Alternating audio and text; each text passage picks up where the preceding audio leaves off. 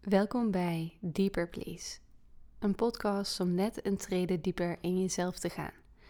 Mijn naam is Anne van der Slichten en ik klink in deze aflevering een beetje uh, met mijn stem, maar dat komt omdat ik uh, on the verge of een beetje ziek zijn zit. Waarschijnlijk heb ik uh, COVID, corona. Ehm, mijn vriend is al positief getest, dus we zitten hier in quarantaine. Maar ik heb net iets meer energie nog dan hij. En uh, dat herken ik van mezelf. Als ik dan ziek word, dan, dan krijg ik ineens wat extra energie. En dan heb ik zin om allerlei dingen te doen. Zo ook om een van mijn voornemens voor dit nieuwe jaar te. Hoe zeg je dat? Vervolgen? Geen idee. Gewoon doen. En dat is om wat meer afleveringen in de Deeper Please podcast te maken over ziek van verlangen zijn. En het gekke is, als je op deze Deeper Please podcast kijkt, dan zie je maar eigenlijk heel weinig afleveringen over dit onderwerp, ziek van verlangen. Het onderzoek naar de diepere betekenis van verlangen naar iemand die om de een of andere reden onbereikbaar is. Terwijl als je naar mijn leven kijkt dan, en naar mijn hart, dan zie je hoe het overstroomt van liefde, verwondering, um, naar dit onderwerp, naar dit thema. Alle mensen die hier komen in mijn praktijk, die komen voor dit thema. Als je kijkt op mijn website, dan zie je ook heel veel het ziek van verlangen zijn terugkeren in blogs. Als je er dus nieuwsgierig naar bent, kijk ook echt op de website. Er staat zoveel op. Sinds vandaag ook een ziek van verlangen pakket om thuis te doen voor zelfstudie met drie geweldige lezingen. Super interessant met de basis de wond, uh, de schaduwzijde achter het ziek van verlangen zijn. Waarom we zo bijna bezeten kunnen zijn in het verlangen, zo verstrikt kunnen zijn in het verlangen. En een lezing over het hebben van geheimen en uh, die verhulling die ook binnen het ziek van verlangen zijn voor een heleboel mensen aanwezig is. In het niet helemaal transparant zijn naar je partner, wat het met jou doet. Wat het is om een geheim te hebben en hoe het kan dat we soms gewoon niet anders kunnen dan het niet vertellen. En in deze drie lezingen gaat er zoveel liefde uit naar ons klungelige mens zijn. Waarin we op zoek zijn naar een manier om te leven en dat kostbare leven van ons met beide handen vast te houden, te koesteren, te drinken. En tenslotte zit ook in het Ziek van Verlangen zelfstudiepakket uh, de, zelf, uh, de, de zelfmethode, nee, de methode van Ziek van Verlangen, die ik ook hier met mensen in de praktijk doe, tijdens een intensive. Toegegeven, als je het met mij doet, dan komen we natuurlijk achter zoveel meer dingen. Maar dit is zo'n fijne methode om ook zelf te kunnen doen. In 19 video's leid ik je er helemaal doorheen. En uh, ik ben heel blij met het zelfstudiepakket. Dit is een pakket dat ik als toen ik jonger was, um, tien jaar geleden, toen ik dit voor de allereerste keer in mijn leven tegenkwam, zo graag had willen hebben. Want ik herinner me nog dat ik een vrouw had benaderd. En ik schrok toen heel erg van de prijs, maar ik was ook heel jong, dus ik had ook nog niet zo heel erg veel geld. En ik durfde niet meer. En ik, volgens mij heb ik nog een keer met haar gebeld ook. Maar zij had niet zoveel informatie ook op haar website staan. Dat is toen ook ooit een voornemen voor mezelf geweest. Ik dacht, ik ga zoveel als mogelijk gratis informatie ook op mijn website zetten. En als ik online producten maak, dat het ook voor iedereen te betalen is. Mocht je dit ook niet in één keer kunnen betalen. Het is ook mogelijk om het zelfstudiepakket in drie termijnen te betalen. Stuur me een mailtje en dan regelen we het. Wat had ik dit graag willen hebben? Want dan had ik mezelf niet zo gek gevonden. Dan had ik mezelf niet zo. Was ik niet zo boos op mezelf geweest. Dan had ik niet gedacht: ik ben de enige hierin. Er is iets mis met mij. Maar als ik het wel eens aan andere mensen vroeg die die hadden het niet zo zoals ik. Die werden niet wat vaker verliefd op anderen en die hadden niet die bijzondere ontmoetingen die ik had. En die, het leek ook wel alsof, en het lijkt nog steeds wel zo soms, alsof niet iedereen, en tegenwoordig is mijn vriendengroep wel een beetje veranderd, maar uh, een wat meer, ja, misschien mag je het zelfbewuste mensen noemen, maar die ook dezelfde transformatieprocessen doorgingen in hun eigen leven, ook met de liefde en in hun eigen relaties. En hoe het soms leek alsof alles helemaal de een relatie het einde leek te zijn. En dat er ineens een nieuwe wind kwam, nieuw leven en een nieuwe liefde. Waardoor het ineens wel weer mogelijk is. Zoals bijvoorbeeld waar Esther Perel het over heeft. Als zij over haar relatie het heeft, haar huwelijk.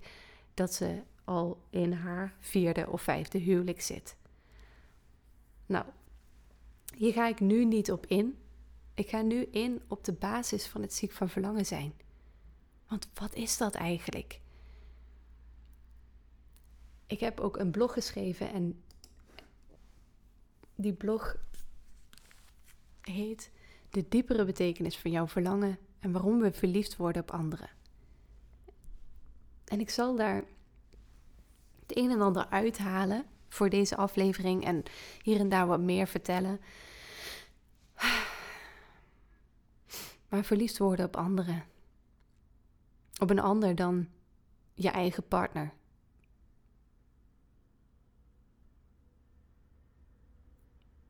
Ik kijk heel even of hij wel opneemt. Wat zou het zijn dat ik dit nu allemaal zit op te nemen? Ja, hij gaat gewoon rustig door. Oké. Laat ik dus vooropstellen dat het ziek van verlangen zijn niet alleen maar is uh, voor mensen in mijn onderzoek dat ik sinds 2016 nou eigenlijk al veel langer, hier naar doe. Vanaf 2016 had ik de Ziek van Verlangen methode gemaakt. Maar het is niet alleen maar voor mensen die verliefd zijn geworden op een ander. Dus die al getrouwd zijn um, en zijn gaan verlangen, iemand hebben ontmoet en naar die andere persoon zijn gaan verlangen. En voor de keuze staan, wil ik bij mijn huidige partner blijven of niet. Het gaat ook in sommige gevallen om dat jij bijvoorbeeld wel single bent, vrijgezel, en dat de ander dat niet is. Of um, dat de ander en jij allebei in een relatie zitten. En dat je eigenlijk ook, ook weet, dit is het niet. Maar op de een of andere manier kan je de ander maar niet loslaten. En raakt de ander je vreselijk diep. En daar gaat het voor mij om. Dat je dus iemand hebt ontmoet, iemand is in je leven of iemand was in je leven, die je zo ongelooflijk diep heeft geraakt, dat je van ochtends, bij het ochtends opstaan tot s avonds naar bed gaan, een hevig verlangen in je borst, je buik, je keel, waar jij het ook maar voelt in jouw lijf, voelt kloppen. Als een soort van Jumanji-spelbord dat, uh, ook al begraaf je het heel diep in de grond, dat het nog steeds als een hartslag aan het kloppen is en aan het wachten is dat iemand dat spel pakt en hem weer van, voor, van voren tot eind uh, zal spelen. Ook dit verlangen klopt in ons. En ik ben op dit moment ook een boek aan het schrijven over ziek van verlangen zijn. En wat ik daarin vertel is dat verlangen, daarmee begin ik ook, dat verlangen in essentie helemaal niets of niemand kwaad wil doen. Het is niet een vermomde vorm van de duivel. Als je eventjes heel ouderwets mag denken. Nee, het verlangen is puur, onschuldig en het werkt als een soort van um, profeet die voorspelt waar wij naartoe mogen gaan. En waar wij, uh, tot wat wij, nou, wij, oh, ik weet even niet de, de tussenwoorden, dat heb ik wel eens vaker. Ik ben ook soms toch net iets meer een schrijver dan een spreker. Met schrijven kan ik wat meer over mijn zinnen nadenken, maar die profeet die, die schetst een beeld van wat wij zullen worden. Waar wij naartoe zullen transformeren. En ik zal er zo wat dieper op ingaan. Maar laat ik eerst even bij het begin beginnen dat verliefd worden op anderen. Of gewoon verliefd worden in het algemeen. Dat betekent niet altijd dat je voortbestemd bent om samen met de ander een leven te delen. Is natuurlijk het tegenovergestelde van wat we in films zien en in sprookjes. Als daar mensen verliefd worden en het is ook nog een keertje wederzijds, dan is het eigenlijk altijd de bedoeling en dan is het ook een ware liefde. Maar het leven is niet zo zwart-wit en dat heb jij misschien ook wel gemerkt. Godverdomme, wat kan het complex zijn. Soms worden we verliefd als de realiteit het bijna onmogelijk maakt om bij de ander te zijn. Om bij elkaar te zijn, om met elkaar te versmelten, ook al wil je het zo graag. We zitten al in een relatie bijvoorbeeld. Of de ander of jij is getrouwd, wat ik net ook zei. Of de ander woont helemaal aan de andere kant van de wereld. En jij moet voor je moeder zorgen. Ik zeg maar wat. En het, er, zijn, er, is alleen maar, zijn alleen maar obstakels. En soms in een goede Hollywoodfilm kan dat een hele interessante film worden.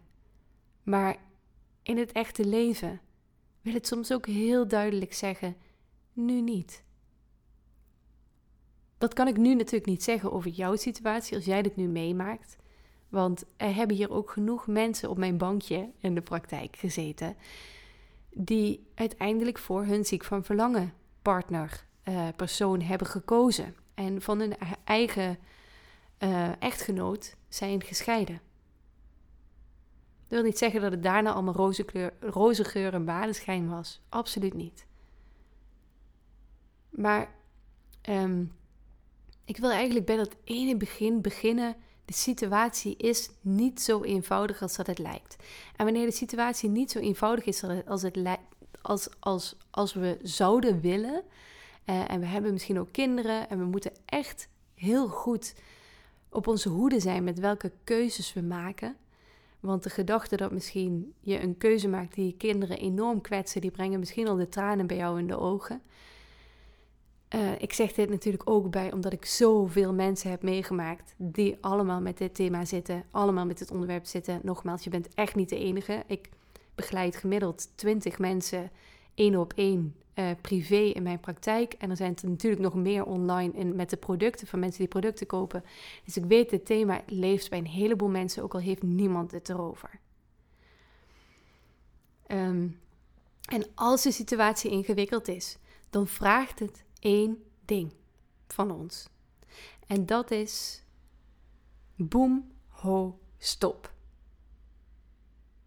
Dat is stilstaan, de pauze inlassen en naar binnen keren. En op onderzoek gaan van binnen, gaan luisteren naar binnen. hey, wat is de volgende beste stap die ik kan nemen? En wat is het eigenlijk, deze aantrekkingskracht die ik tot de ander voel? Wat is het werkelijk? Mijn mind zegt: ik moet nu bij die ander zijn. Ik wil daar alles mee doen. Alle hoeken van de kamer wil ik daarmee ontdekken. Of misschien is het meer platonisch en wil je daar oh, diepe gesprekken mee voeren tot diep in de nacht. En het zegt, al je denken zegt helemaal: ik wil dit, ik wil dit, ik wil dit. En dat lichaam gaat helemaal aan. Van, oh, wat een aantrekkingskracht. Ik kan alleen maar, oeh, ah, ah, deze geluiden erbij maken, merk ik. Maar dat, het is een heel fysiek gebeuren, hè. Um, maar wat is die aantrekkingskracht werkelijk? Is er ook misschien een andere manier om naar de aantrekkingskracht te kijken? Dan ik moet bij de ander zijn, punt. Want laten we het eventjes heel feitelijk bekijken. Je denkt dat. Hé, hey, maar de realiteit laat zien dat het heel moeilijk is om echt bij de ander te zijn op de manier zoals jij het graag zou willen. Dus als het realiteit boem ho stop zegt, dan wil het dus zeggen, we mogen naar binnen.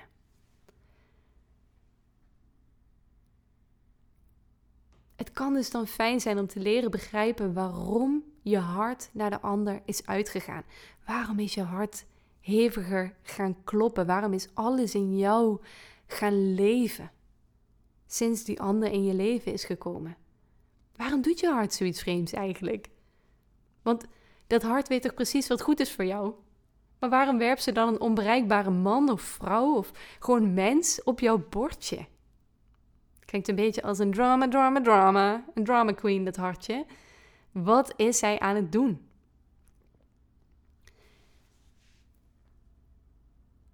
het verlangen naar een onbereikbare ander, of misschien is die ander wel bereikbaar, maar dus de situatie is wat gecompliceerd. Dat kan voor heel veel stress en onrust in jezelf zorgen. Ik weet nog in mijn geval, oh, mijn gedachten gingen tekeer. Eén zin in mijn hoofd was nog niet afgemaakt, of de ander die ontstond alweer. En uh, ik was alleen maar aan het zoeken. Wat moet ik doen? Wat moet ik doen? Wat moet ik doen? De hele dag door. en dat herken je misschien wel. Je kan er dus dag en nacht mee bezig zijn. Want als je gaat slapen, dan kan het ook zijn dat je dromen krijgt. Um, die ook heel mooi zijn om te lezen. Maar goed, weet je, ik noem het niet voor niets in mijn praktijk het ziek van verlangen zijn. Naast dat het ook een beetje grappig klinkt als een kasteelromannetje, is het ook een bepaalde waanzin die ons uh, kan overnemen, die overteken. Um, je kan het gevoel hebben dat je knettergek aan het worden bent. Zo, dat is misschien een beetje gemeen om te zeggen, maar zo sprak ik in ieder geval wel over mezelf. Dat ik dacht, ik ben gek. Ik ben gewoon knettergek. Iedereen zie ik allemaal rustig lopen en op zijn werk concentreren, maar ik kon me nergens op concentreren. Ik voelde me schuldig.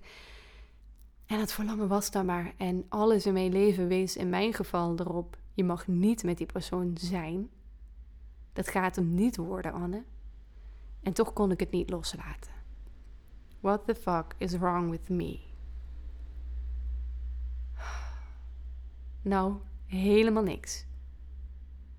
Verlangen naar iemand heeft een veel grotere betekenis dan wat op de oppervlakte lijkt. Mensen komen met een reden in ons leven. En met onderzoek kan je erachter komen waarom dit in jouw leven plaatsvindt. Op mijn website heb ik dus meerdere blogs erover. Ik heb het zelfstudiepakket van Ziek van Verlangen in de shop staan. En ik wil je in deze aflevering ook al een klein beetje een tipje van de sluier oplichten. Um, maar iedere situatie is zo uniek. En iedere diepere betekenis voor iedereen is weer. Het is allemaal zo anders. Maar ik kan je wel wat voorbeelden geven, waardoor ik je een beetje op het juiste spoor misschien breng. En aandacht geven hè, voor dat onderzoek naar de diepere betekenis van jouw verlangen. Dat zorgt voor begrip. En begrip zorgt altijd voor ontspanning. En het is net die ontspanning die we nodig hebben, die een toegang biedt tot een waarheid waar je in een stressvolle staat van zijn niet bij kan komen. Er zijn zo ongelooflijk veel uh, studies naar een ontspannen brein dat zo creatief is en op antwoorden kan komen waar je met een gestrest lijf niet bij kan komen.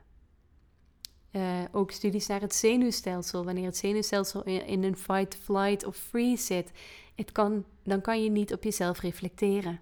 Het is het polyvagal systeem uh, waar ik me ook uh, in heb verdiept en nog steeds in verdiep, omdat ik het zo reuze interessant vind. Alleen met een ontspannen, enigszins ontspannen staat van zijn, heb je het vermogen om gezonde keuzes te maken. Dus als je nu echt als een kip zonder kop, kop, kop zonder kip, jawel, kip zonder kop, rondrent, um, geef jezelf een hele dikke knuffel, zet even lekkere kop thee, trek lekker een warme sok aan, als je dit niet in de zomer luistert. Uh, en luister naar deze aflevering en ik hoop dat het je iets meer ontspanning geeft. Sowieso ga ik af en toe zeggen: Je bent niet gek, je bent niet gek, er is niks mis met jou. Echt helemaal niks. Dit is heel normaal dat dit gebeurt. Het lijf is gewoon van streek. Alles wordt misschien ook wel anders, uh, maar alleen maar op een manier die jij kan dragen en waar jij controle ook over kan hebben. En niets zal van de een op de andere dag gebeuren alles gaat geleidelijk aan. Want ziek van verlangen zijn is de vooravond van een groot transformatieproces.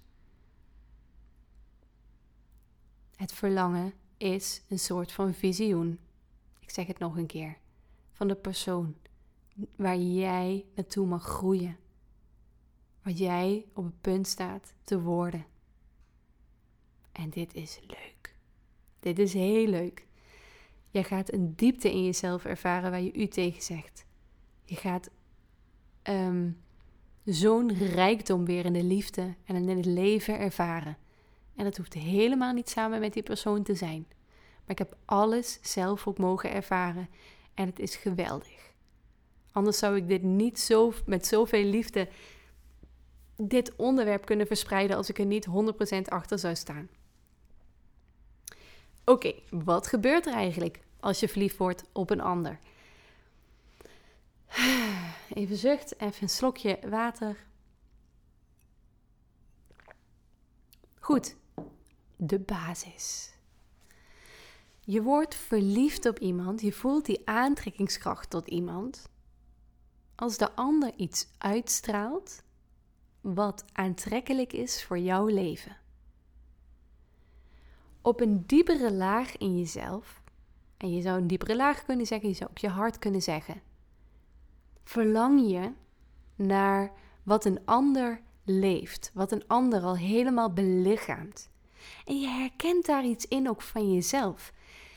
Je weet eigenlijk, hé, hey, dat, dat zit ook in mij, maar ik krijg het er maar niet uit.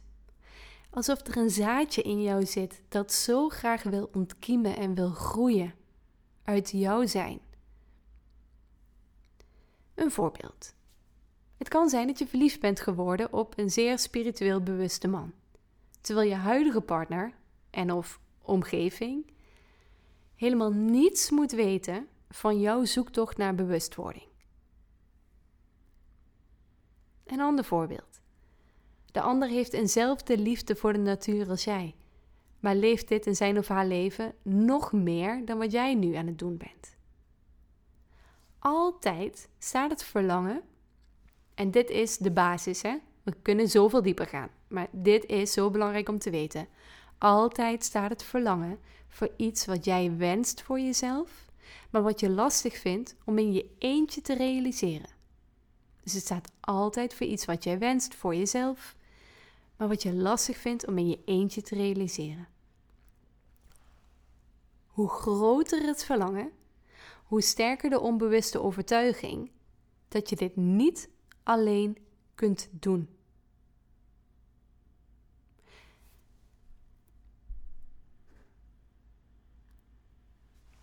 Mijn moeder heeft ook veel ziek van verlangens gekend in haar leven. En daarom heb ik misschien een extra draag ik een extra warm hart toe naar dit onderwerp. Ehm, ook omdat ik zelf dus een, allerlei ehm, mooie ontdekkingen hierin heb, heb gehad. Maar mijn moeder vertelde ooit toen ik hier voor het eerst mee kwam met dit onderwerp en daarna vroeg van mama, moet ik hiermee? Toen had zij het dus over projectie en toen had zij het over uh, de ander belichaamt iets wat ook in jou zit en het is belangrijk om dat bij jezelf te zien en dan gaat het verlangen weg. Dus kijk maar eens, wat is het wat die ander allemaal aan kwaliteiten en aan eigenschappen heeft, wat jij zo aantrekkelijk vindt? My God. Ah. En dat deed ik, maar bij mij ging het verlangen niet weg. Dus ik wist, oké, ik moet verder gaan. Maar het is wel heel belangrijk om die vragen al aan jezelf te stellen. In ieder geval die vraag: wat is het wat ik eigenlijk zo aantrekkelijk vind? Wat is het waar ik zo van geniet van die ander? Waarom ik die ander zo bewonder? Voor mij kwam daarna, om net een stapje dieper weer te gaan of verder te gaan, was het dus goed om te realiseren: hé, hey, mijn verlangen naar de ander zit ook, daar, daaraan is ook een zekere onzekerheid gelinkt. Ik denk iets over mezelf wat niet helemaal waar is. Uh, waarschijnlijk, hè? Dat is misschien al een stapje te ver, maar ik denk iets over mezelf. Ik denk namelijk dat ik dit niet in mijn eentje kan en dat ik dit niet ben. Ik vind die ander helemaal geweldig, maar ik, ehm, nee, dat heb ik toch niet in mij.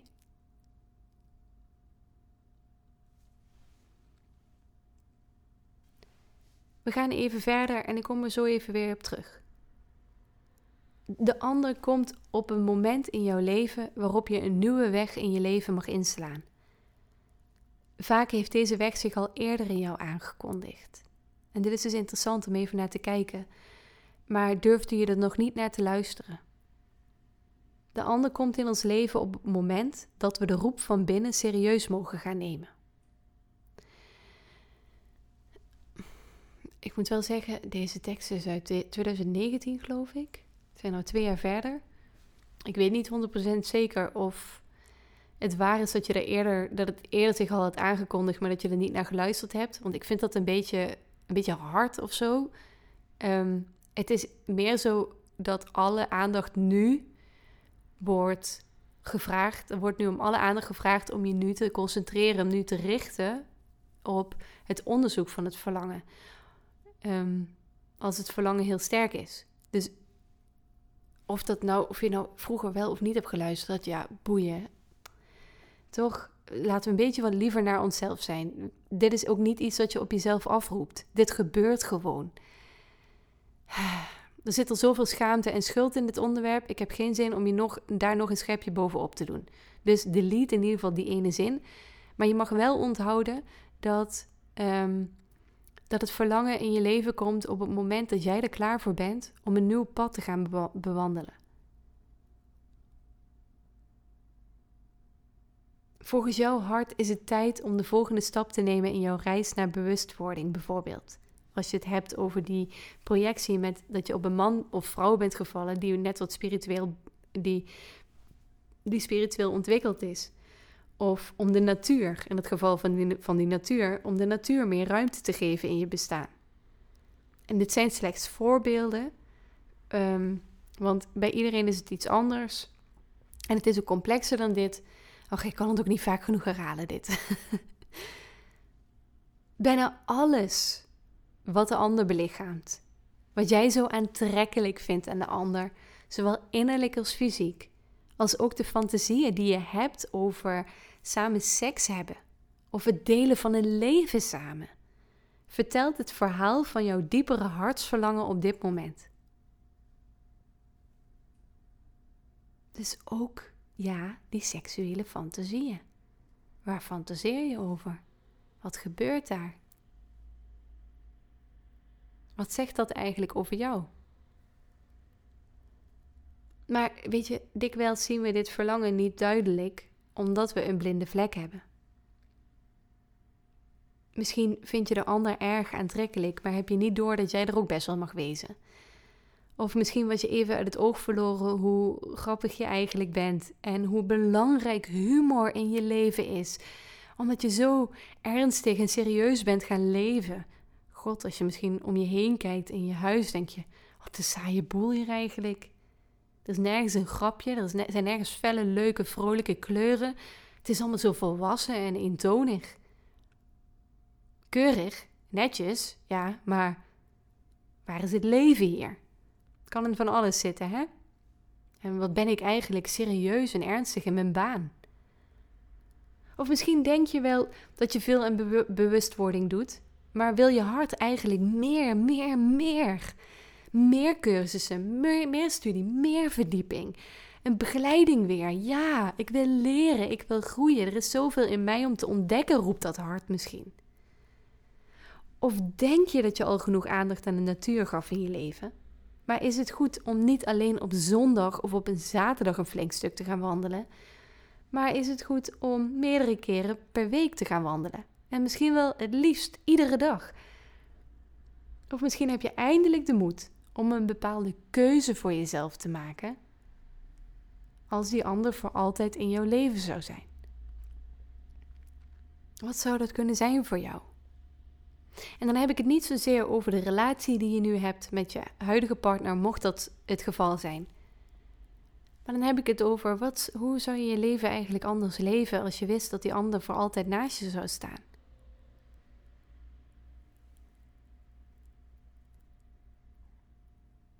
Dit zijn grote vragen. En misschien komt er al iets bij je op. Misschien voel je van alles bij dit.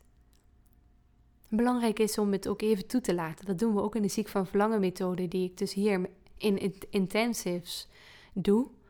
En die ook in het uh, zelfstudie ziek van verlangen pakket te vinden is. Je mag in het eerste gedeelte helemaal het verlangen toestaan. Zonder taboe, zonder schuld, zonder schaamte. Nee, luister eens daarnaar. Wat heeft het te vertellen? Wat als we een nieuwsgierige houding ontwikkelen in plaats van een zelfafwijzende, zelfafkeurende houding? En nee, je gaat dan niet vreemd. En nee, er gaan geen erge dingen gebeuren als we dat doen. Nee, we luisteren. Luisteren naar het onschuldige, pure verlangen dat, dat een heleboel te vertellen heeft.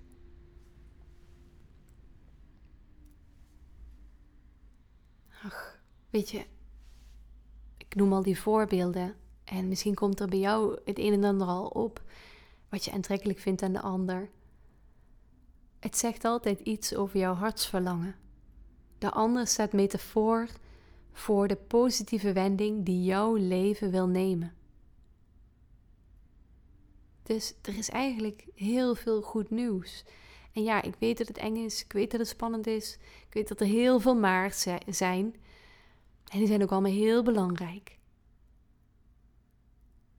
Maar voel je de puurheid?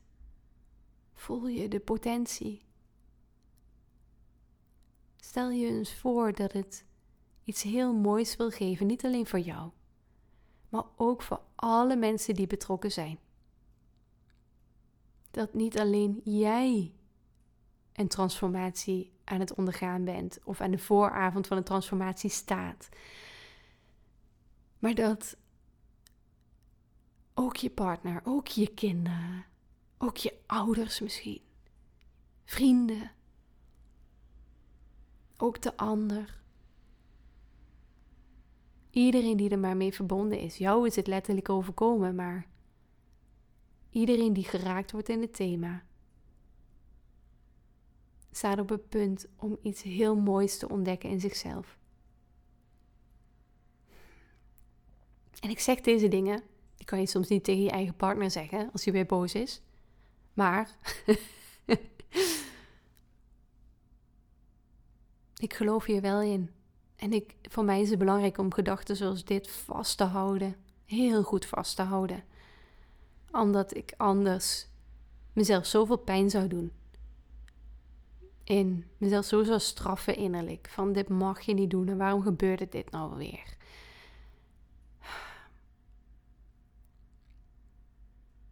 Het is, een, het is het vanuit het grotere perspectief kijken naar wat je nou overkomt.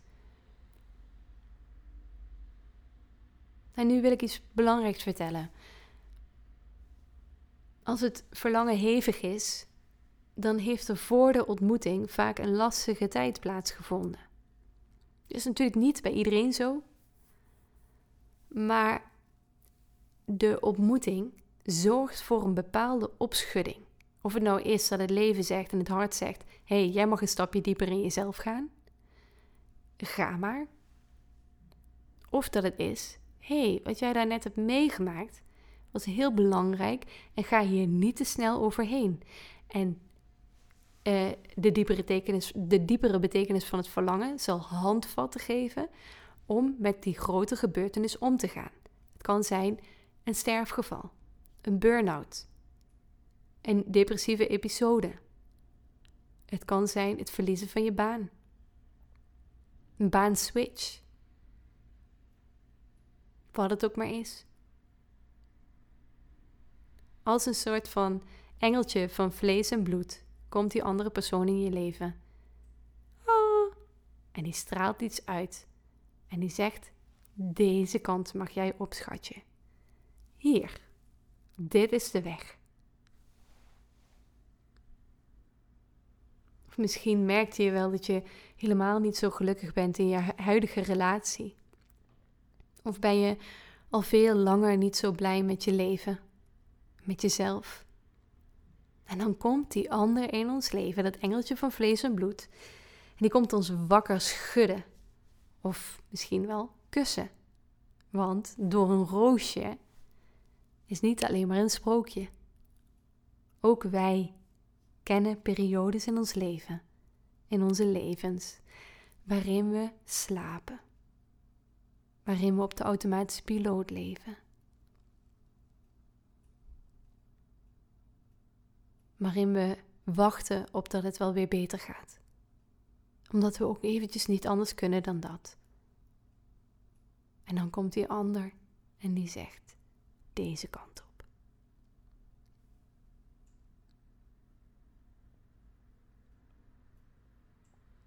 Zou je voor een moment heel eerlijk naar jezelf willen zijn terwijl je dit luistert?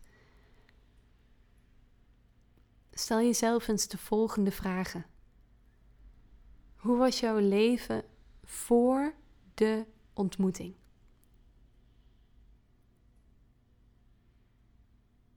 En grote kans dat sommige mensen zeggen die dit luisteren: Oh, eigenlijk wel goed, prima, was helemaal niks aan de hand. Maar ben eens even heel eerlijk. Hoe kan het dat het zo'n groot contrast is? Het verliefd zijn en het normale leven. Die levendigheid die verliefd zijn brengt en het normale leven. Waarin voelde jij je dood? Waarin voelde jij alsof je aan het slapen was? Waarin voelde jij dat je misschien wel een heel leven zo door zou kunnen gaan, maar eigenlijk liever niet? Waarin voelde jij dat jij jezelf aan het passeren was? Waarin voelde jij dat jij iets heel moeilijks tegenkwam, maar daar wel heel snel weer aan voorbij liep omdat je weer ging werken, bijvoorbeeld? Hoe was jouw leven voor de ontmoeting? En waar lijkt die ander een antwoord op te zijn? Op een vraag die je misschien niet letterlijk stelde, maar wel die heel diep in jou gesteld was. Of werd, moet ik zeggen misschien. Een vraag die diep in jou gesteld werd. Waar lijkt de ander een antwoord op te zijn?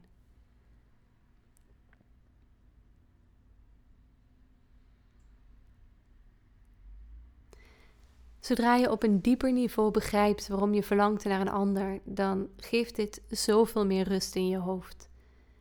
Je ziet dat het jouw verlangens zijn. En dat jouw hartsverlangen een manier zocht om zich aan jou te tonen via dat lichaam van de ander. De identificatie, het verhaal van jouw hartsverlangen dat je projecteert op de ander, laat dan vanzelf los. En nee, dat gebeurt ook niet van de een op de andere dag.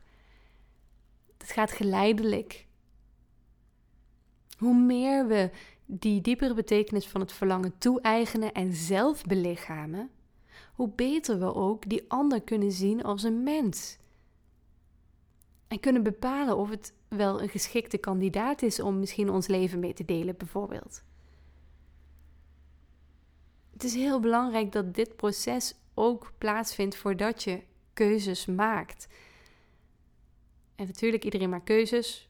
En waarschijnlijk, misschien als je dit luistert, heb je al een paar keuzes gemaakt waar je niet zo heel blij mee bent. God, daar leren we ook weer van. ik ben niet een heilige zelf, dus uh, alles wat ik, wat ik aan kennis heb, heb ik naast uit boeken ook en uh, natuurlijk ook zoveel meer, maar heb ik ook heel veel uit mijn eigen leven, van alle fouten die ik heb gemaakt.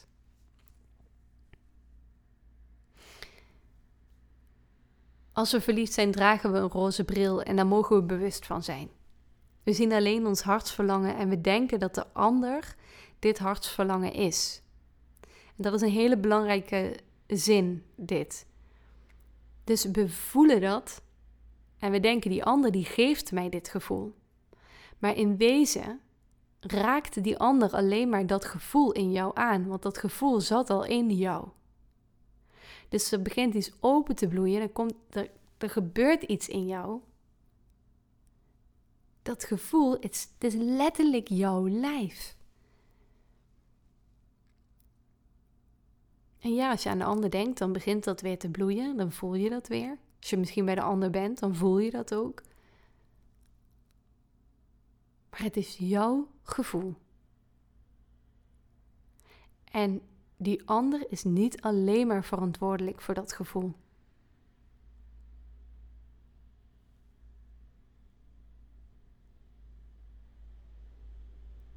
Door het echte verhaal achter je verlangen naar de ander te ontdekken, eigen je de projectie toe. En wordt die roze bril vervangen door een veel mooiere bril. een bril van de realiteit. Niet alles kleurt meer roze, maar alles krijgt weer zijn eigen mooie kleur. En dan zie je het hele plaatje. Weet je, op dit moment zie je wie de ander echt is. Als je, als je bril afgezet wordt en je de bril van de realiteit opzet, dan zie je wie de ander echt is zonder de projectie. En misschien is de ander ineens een stuk minder interessant. Of zie je eigenlijk wat voor lul of trut die ander eigenlijk is. Zit hier een beetje uh, eigen wrok in voor mijn eigen leven? Ja, oké. Ehm, toegegeven. maar heb je ineens veel beter ook door wat je allemaal op, op het spel zet. Vooral als je dus getrouwd bent en uh, eventueel kinderen hebt. Of een partner hebt die echt een schatje is en alles voor je over heeft. Maar je ziet het op de een of andere manier niet. En ook heel erg graag met jou mee wil groeien. Zo'n partner heb ik gelukkig in mijn leven. Die altijd weer met mij meegroeit. Hoeveel shitte dingen we, ik ook heb gedaan en we samen hebben meegemaakt. Maar je hartsverlangen kan je vanaf, vanaf het loslaten van de projectie meenemen naar je eigen leven. Dat, dat is dat belichamen waar ik het net over had. En dan ga je praktisch met die diepere betekenis, hè, die diepere boodschap van het verlangen, kan je ook aan de slag gaan. Hoe kan je dat wat de ander leeft of uitstraalt in je eigen leven toepassen? Voor als je net zo bent als ik, dan als ik me voorstel dat ik bijvoorbeeld 22 was en dan hoorde ik dit en dan ging ik gelijk pen en papier pakken. Dan ging ik gelijk een lijstje maken van alles wat ik super interessant vond in die andere en dan trekken ik. En dan ging ik het kijken van oké, hoe kan ik dit heel praktisch gaan doen nu in mijn leven? ik, hou, ik hou van praktisch. Misschien ben jij ook wel zo. Maar misschien niet. Misschien is het voor jou lekker om gewoon even te luisteren. En even met het onderwerp schaamteloos bezig te zijn. Oh, gewoon dat het er even mag zijn. In plaats van iedere seconde van de dag dat je denkt: go away, go away, go away. Oh, misschien als ik het ga negeren, gaat het wel over. Nou, not. Gebeurt dus niet in heel veel gevallen. Sommige mensen wel trouwens, maar heel veel mensen ook niet. Oké, dus hoe kan je dat wat de ander leeft of uitstraalt in je eigen leven toepassen? Wat zou er gebeuren? Wat zou er gebeuren als ik dat in mijn eigen leven ga praktiseren?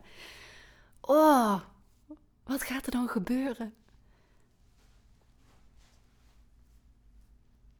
Nou, vanuit mijn eigen ervaring kan ik zeggen: geweldig. Echt geweldig. Zo'n diepte, waar ik het ook al over had. Zo'n rijkdom. Zo'n opnieuw het leven leren kennen en mezelf leren kennen. Zo dankbaar zijn. Iedere dag weer het praktiseren ervan. Als ik het niet deed, leidde ik eronder, leed ik eronder. Als ik het wel deed, um, vond ik ontspanning en kwam ik bij mijn antwoorden op mijn moeilijkste vragen. Wat moet ik hier nou mee? Zo'n moeilijke vraag. Moet ik scheiden of blijven? Moeilijke vraag.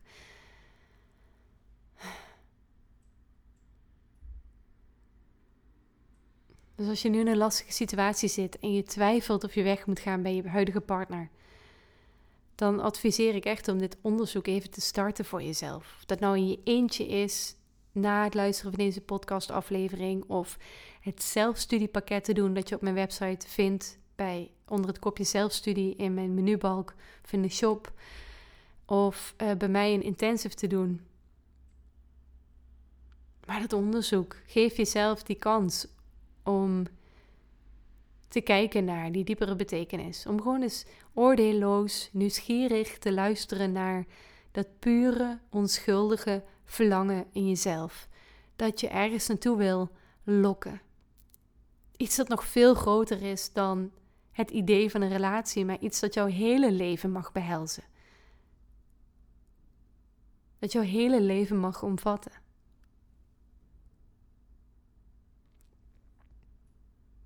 Vaak helpt het hè, om de ander even los te laten. Terwijl je dit doet. Om even alle aandacht aan jezelf te richten. Weg van die mannen of van die vrouwen. Weg. Maar gewoon even alle aandacht naar jezelf.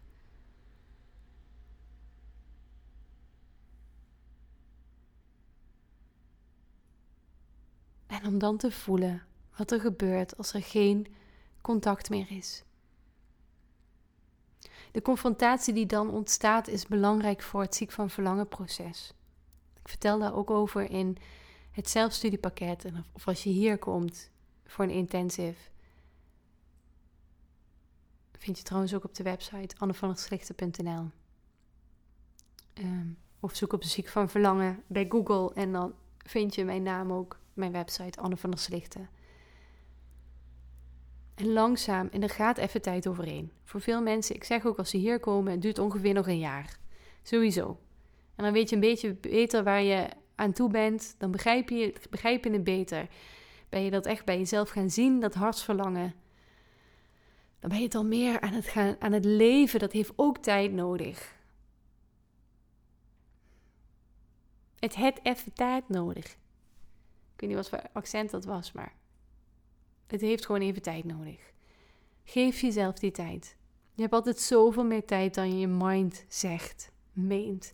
Die wil altijd alles nu gelijk opgelost hebben. Maar je hebt zoveel meer tijd dan dat. En langzaam ontdek je of de ander het echt waard is om je huidige partner voor te verlaten. Of dat hij of zij tijdelijke, hele belangrijke inspiratiebronnen waren.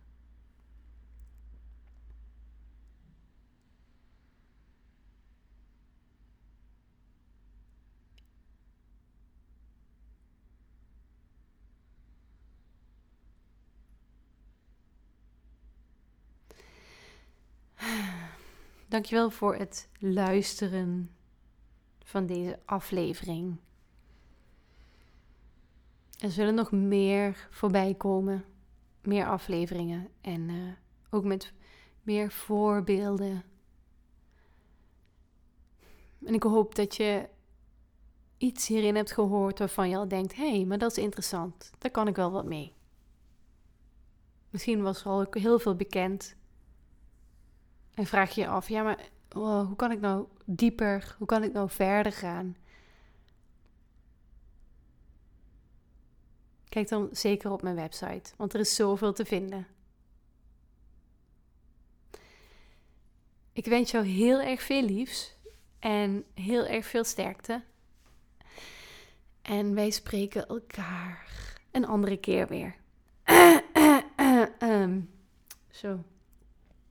Ik vind dat mijn stem het goed heeft gedaan. Allerliefst en uh, tot de volgende keer.